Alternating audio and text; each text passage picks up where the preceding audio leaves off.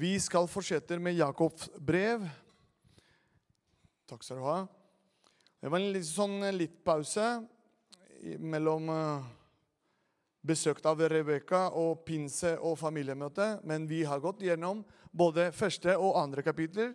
Håper dere, Den ligger på nettet, på nettsida vår. Så den, den ligger der. Hvis du har ikke hørt de, så gjerne gjør det. Så du får en rekkefølge i forhold til de kapitlene som egentlig er veldig interessante og oppfølgende å lese Jakobs brev. Jakob er en person som utfordrer oss alle sammen. Og jeg tror Gud gjør det i denne tiden. Er det noen her som er på første gang? Nei? Ok. Ikke bli sånn overraska. Det går fint, det. Men eh, Jakob 2, Jakob 1 og 2, så vi har gått gjennom det. Tro og gjerning, som var sist. Og eh, Jakob eh, brev 3. Vi skal lese hele kapittelet som vi har gjort tidligere. Jeg må være ærlig med dere og så må spørre hvor mange av dere har lest Jakobs brev? Ja, de fleste. Ja, det blir ikke så vanskelig, dette her. Det er flott, det. Så Jakobs brev, kapittel 3. Mine damer og herrer, vi leser i Jesu navn. Mine brødre, ikke mange av dere må bli lærere, for vi vet at vi skal få en enda strengere dom. For eh, vi snubler alle i mange ting. Hvis noen ikke snubler i ord, er han en fullkommen mann, som også er i stand til å holde hele kroppen i tømme. Se, vi legger bissel i hestenes munn for at de skal lyde oss. Og vi styrer hele kroppen deres. Se, oss også skipene selv, også skipene, selv om de er store og blir drevet av sterke vinder, blir de styrt av et meget lite rår. Ditt styrer mannen ønsker. Slikt er også tungen. Et lite lem, men kan likevel tale store ord. Se hvor stor skog en liten ild tenner i brann. Også tungen er en ild, en verden av urettferdighet. Tungen har slikt plass blant våre lemmer at den smitter hele kroppen og setter naturens gang i brann. Og selv settes den i brann av helvete. For enhver art av dyr og fugler og krypdyr og sjødyr kan temmes og er blitt temmet av den menneskelige natur. Men ikke noe mennesker kan temme tungen. Den er us ustyrlig, ondskap, full av dødelig gift. Med den velsigner vi vår Gud og Far, og med den forbanner vi mennesker som er blitt til etter Guds bilde. Ut av samme munn kommer velsignelse og forbannelse. Mine brødre, slikt skal det ikke være. Gir vel en kilde både frisk og bitter vann for samme oppgående? Kan vel et fikentre, mine brødre, bare oliven, eller et vintre bare fikken? Slik er det ingen kilde som gir både saltvann og ferskvann. Vers 13. Hvem er vis og forstandig blant dere? Han skal ved en god far vise sine gjerninger og visdommens saksmodighet. Men hvis dere har bitter misunnelse og selvhevelse i deres hjerter, så rust dere ikke av slik, og lyv ikke mot sannheten. Slik visdom kommer ikke ned ovenfra, men den er jordisk, sanselig og demonisk. For hvor det er misunnelse og selve helse, der er det også forvirring og all slags ond gjerning. med den visdommen som er ovenfra, er for det første ren, dernest fredelig, mild, hensynsfull, full, full av varmhjertighet og gode frukter. Den gjør ikke forskjell, og den er uten hykleri. Rettferdighetens frukt blir sådd i fred av den som skaper fred. Et lite kapittel, dere. I forhold til hva Jakob egentlig Hvis vi leser nøye og dette med tungen, altså hvilken påvirkning i dag gjør tunga di og mitt Og hvordan han presenterer dette her, hvor alvorlig egentlig Jakob kommer inn på dette her. Både på det positive, på det velsignelse, men samtidig på det man av og til gjør negativ og kan virke til forbannelse. Bibelen har mange eksempler på å tale det ønskede resultat. Abraham er et av disse eksemplene i Det gamle testamentet. Og skriftstedet som summerer opp Abraham tunge og det resultatet han oppnådde, det er i Romerbrevet 4,17. Å kalle på det som ikke er til, som om det var til. Det er mange dynamikken her i forhold til både Det gamle testamentet og Det nye testamentet, og hvordan de heltene og de menneskene i tro proklamerte og handle i det på en måte som de kjente fra Gud. Vi er en trosmenighet som tror på Guds løftene.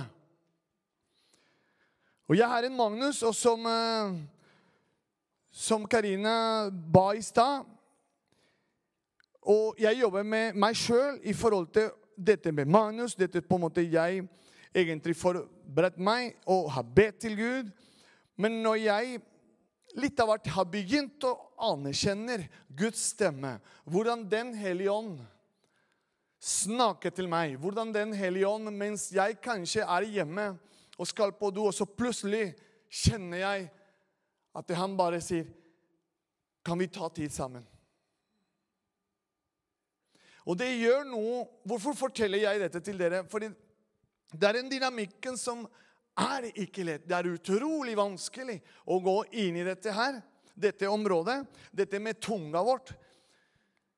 Det er mange eksempel både i Det gamle og Det nye testamentet hvordan tunga fungerer. Mannfolk, vi som er gift med, med våre koner Det kan gå galt hvis vi er for fort å gå og taler også i forskjellige situasjoner. Jeg anerkjenner, og jeg må be en unnskyld til deg, Andreine, i det jeg har sagt feil til deg mange ganger. Og jeg tror det gjør noe med oss. Hva fyller vi hjertene våre i hverdagen vår? Hvordan vi la Den hellige ånd rense oss i de pressesituasjoner hvor man skal bare nå skal jeg være forsiktig og skal si det sakte. Hold kjeft. Og så ti stille.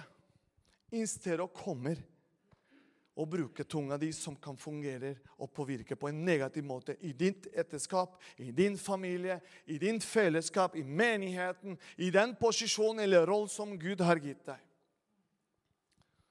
Så lenge har dere forstått det, hva jeg har sagt? Ok, ta Gud. Hold tunga mi, kjære Gud.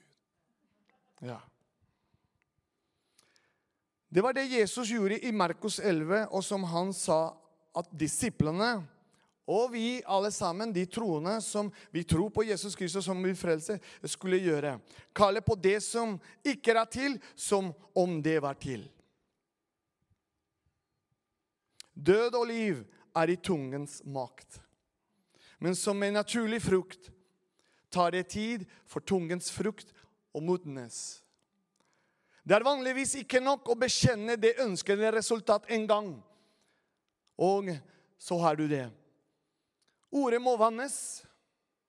Det er en prosess. Må vannes, gjøles, gis tid, og så kommer frukten. Og det er stadig. dette med ord. Og det gjelder uansett om du sier negativ eller positiv ting. På godt og vondt. Tunga er kanskje bare en ufarlig, merk, merkelig ting vi alle har i munnen. Men ordene den former, kan gjøre den til et redskap for både fred og ulykke, sorg og glede. Tungen er nøytral, men måten vi bruker den på, har enorme konsekvenser. Og det skal vi gå igjennom i kveld. Alle som har erfart å rope en hemmelighet, skapt et rykte ved å si noe ufarligaktig om en person, eller gått over streken når en har snakket i frustrasjon med egne barn, vet hva tungen kan bety. Jakob bruker tunga som eksempel, som vi leste alle sammen, på at vi er skroppelige mennesker som gjør feil. Det å holde orden på hva vi sier, er et tegn på modenhet. Ord skaper kultur. Og det har jeg erfart her mens vi lever i Norge. Det er mange ting som vi skjønner ikke ennå. Og vi ler av og til, men vi skjønner ingenting. Når noen forteller vits og sånn, vi ler. Og Andreine spør meg skjønte du. Nei, bare le, du. Så. Man lærer underveis hvis man spør pent. Så det er interessant, dette med kultur. Som kristne blir vi født inn i Guds familie. Gud er vår far, vår pappa. Og andre kristne er våre søsken. Jeg stopper litt her. Hvis dere er mine søsken, som Bibelen, Bibelen lærer meg, da har jeg lov til å si til Karine du er min søster. Er det ikke det? Og av og til folk i menighetssammenheng, når jeg kaller de 'Hallo, broder!' når vi er ute på gata, da blir det sånn «Øh, Hvorfor kaller du meg broder? Eller søster? Enda verre når man, hvis man skal hete 'Hallo, søster'. Jeg vet Det er noe med kulturen. Men hvor jeg kommer fra, det er naturlig. Når vi hilser hverandre, det er 'Hallo, hermano'. Det betyr 'hallo, broder'. Og folk hører og ser hvordan vi, Guds folk, behandler hverandre. Hva slags holdning du og jeg, når vi møtes i det offentlige her Er det som at vi behandler her inne som søsken, men der ute er vi som på en måte Ok, vi, vi går til eh, det normale? Nei! Jeg i hvert fall praktiserer det. Det koster meg voldsomt. Men det er det jeg er. Jeg, jeg sier ikke at du skal gjøre det, men be dette til Gud. At vi skal behandles som familie, som søsken. Og gjøre det på din måte. Det er Fernando. Jeg kaller Malene av og til Malene, eller søster. Selv om Malene kan se meg rart, men jeg kaller deg søster Malene. Eller andre her. Hvis du liker ikke, da kan du si det pent. Ikke kalle meg søster. Da er det greit. Jeg stopper med det i forhold til kultur. Men det innebærer en nærhet, et fellesskap som både er godt og vondt. Godt når fellesskapet er preget av respekt, omsorg og varme. Og vondt når fellesskapet er preget av avstand, sammenligning og utrygghet. Ordene vi bruker, bestemmer mye av kulturen i fellesskapet vårt. Jakob tar opp tendensen til å tale annerledes, vertikal enn horisontal. Vi kan lovprise Gud, takke ham og bruke gode og store ord om Gud. Men i møte med mennesker kan vi være nedlatende, spre slader og sette folk i dårlig lys. Jakob sier dette rett ut, dere. Slik må det ikke være i vers 10. Det minner meg om det Johannes skriver i første brev, kapittel 5, vers 1. Og den som elsker Gud, som er født av Gud, som er, som er født oss, elsker også den som er født av Han. Med andre ord, vi kan ikke behandle Gud annerledes enn vi behandler hans barn. Er dere enig?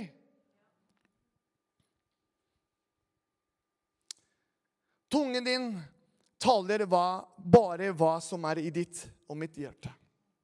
Det er Herren Jesu Kristi ord som sier følgende om Han sier at løst, lykkegyldig og ond snakk bare kom, kan komme fra et ondt, urent hjerte. Så vi må gjøre, med det, vi må gjøre opprydde en sak med vårt hjerte, ditt og mitt hjerte. Når vi begynner å merke at Hva er det som kommer fra munnen min? Og dette er vanskelig. Av og til sjøl vi, vi klarer ikke dette her. Selvfølgelig.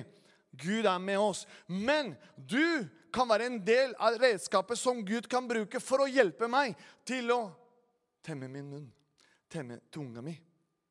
Er dere med?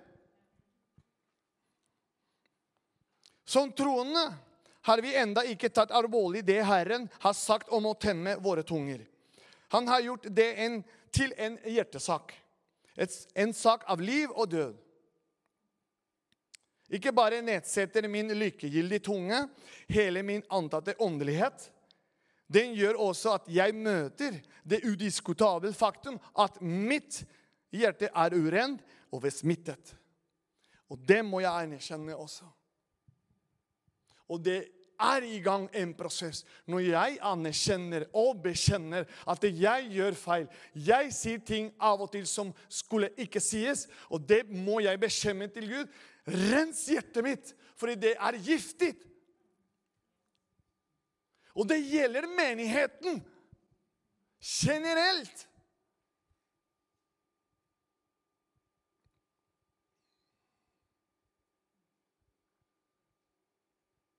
Om jeg hører sensuelle, lystfulle ord komme ut av min munn, om jeg taler sladder, om jeg forteller en skitten vits, om jeg trår en annen person ned, om jeg taler uvennlig eller i sjalusi mot noen, om jeg hever stemmen min og skriker til familien min, om kalde ord kommer fra mine lepper, om jeg ytrer banneord, om en strøm av sinte ord flytter ut av min munn, da må jeg spørre meg selv, Fernando, hvilken urent skiften stoff er enda lagret opp i meg?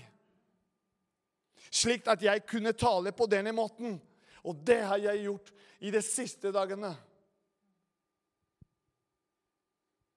Denne kapittel, dere, gjør noe med meg. For dette har vært dagen.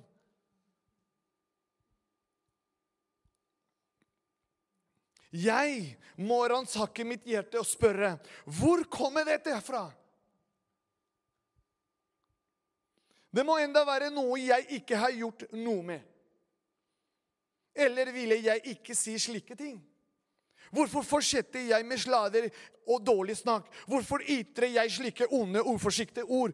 Hvilken vanhellige festningsverker har enda et hull i mitt hjerte? Spør jeg meg, eller må vi spørre som menighet? For å gjøre en forskjell i dagens samfunn. Vi må gå gjennom dette her. En prosess, alle sammen. For å gjenspeile Jesus der ute. Vi må ha en opprør med våre hjerter.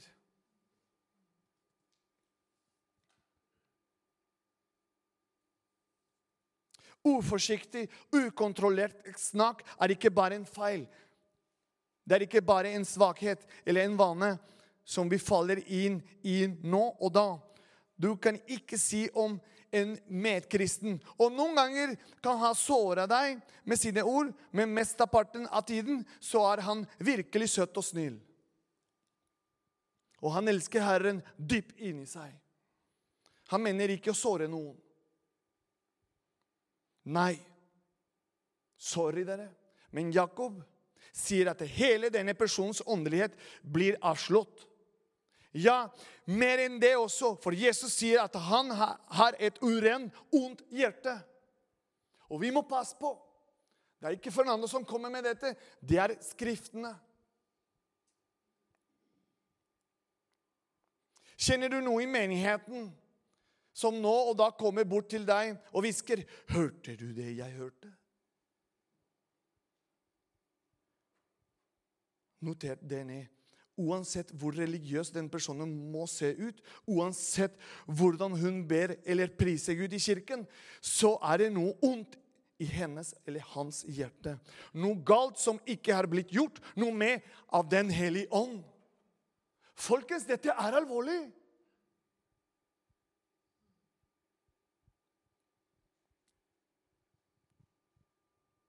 Jesus legger alvorlig vekt på denne saken. Et godt menneske bærer fram gode ting av sitt gode forhold.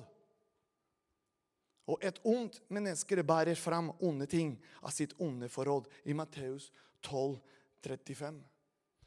Vi kan gå der. Jeg tar en liten sånn parentes i Matteus 12.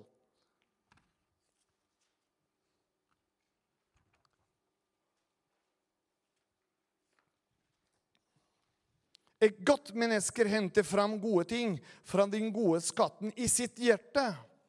Og et ondt menneske henter fram, fram onde ting fra den onde skatten. Men før det Han gir en eksempel i dette med tre, som er et bilde av ditt og mitt hjerte, og frukten, som er din munn og min munn.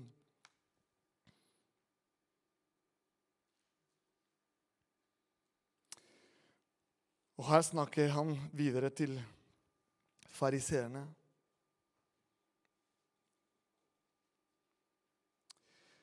Jeg har mange ting her, dere, men jeg kjenner at hjertet mitt banker hardere og raskere.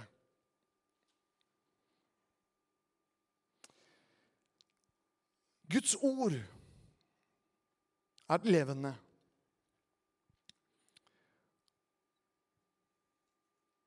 Og jeg leste dette, denne kapittelen og noterte det på en måte jeg tror jeg skulle formidle og dele med dere. Men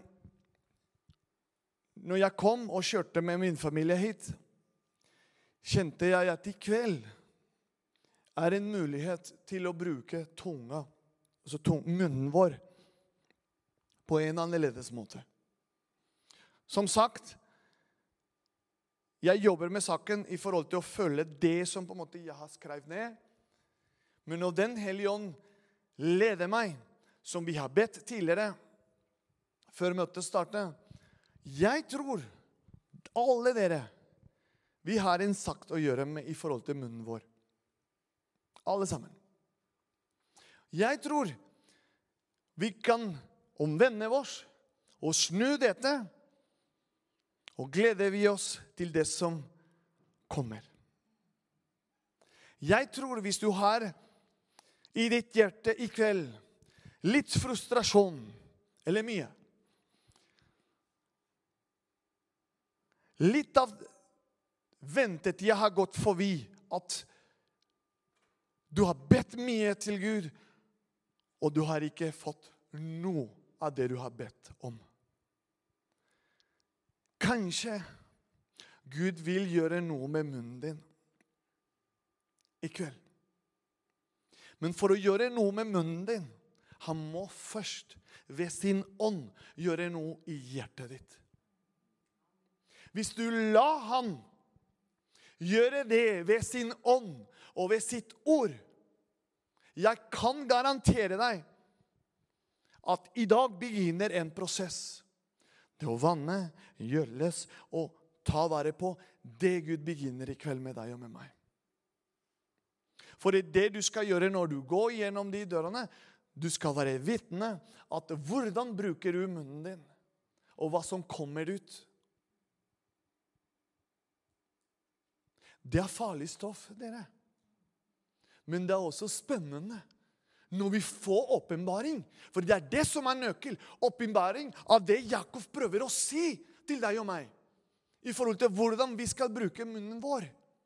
Det har gått tradisjoner i menighetens sammenheng her i Norge og også i mitt land og overalt i forhold til splittelse, sjalusi, baksnakking. Hvor kommer all dette fra? Men nå forsyner vi det som står her, sannheten som skal gjøre oss fri. Og det er Jakobs brev, kapittel 3, som sier nå må dere skjerpe dere, og pass på hva munnen deres sier. Det er det egentlig kort og summert. Det er det Jakob prøver å si til deg og meg. Men ikke med makt, ikke med kraft, men ved Hans ånd. Vi skal få dette åpenbart i deg og meg, at vi skal jobbe sammen. At hvis noen av dere kommer til meg, eller jeg kommer til deg, da kan du si nå, Fernando, nå må du holde kjeft. Eller jeg kan si, vet du hva, kan vi snakke om noe annet? Og så skifte retning i forhold til samtale. For det går fort, dere. Det går veldig fort. Og det er skog og ild, bang, brann. Og da blir det en helvete. Som her Jakob presenterer. Så hvis du kan reise deg opp Vet du, når jeg var der mens lovsangtime sammen med de priste vi Gud Det som er spennende, er når man spør Gud, hva er egentlig du vil i kveld?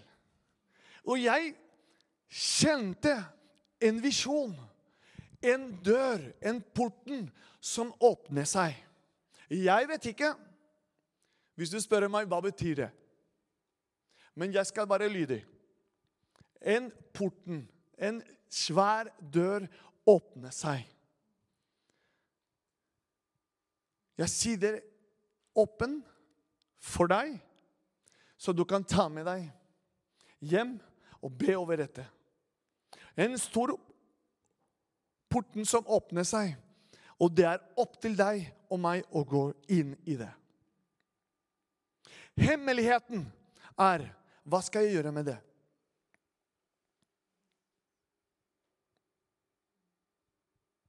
Og det er ikke bare porten å gå inn eller stå og vente. Men når han åpner en dør, som vi vet det er han som åpner den døra, gå inn! Uten å spørre. Gå inn, og han skal lede deg. På samme måte som han gjorde med Abraham. Abraham var lydig. Jeg vet ikke hvis du venter på noe. Jeg vet ikke om du har bedt akkurat i kveld om noe spesifikt. Jeg vet ikke det. Men Gud vet det. Gud kjenner deg og vet hva som ligger i hjertet ditt og tankene dine. Jeg skal starte å be.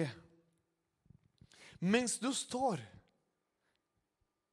Jeg vil gjerne gjøre noe for Rolf Rolfari, Rolf Harry, kom hit. For vi skal begynne å proklamere Guds løftene her i menigheten vår. For våre søsken.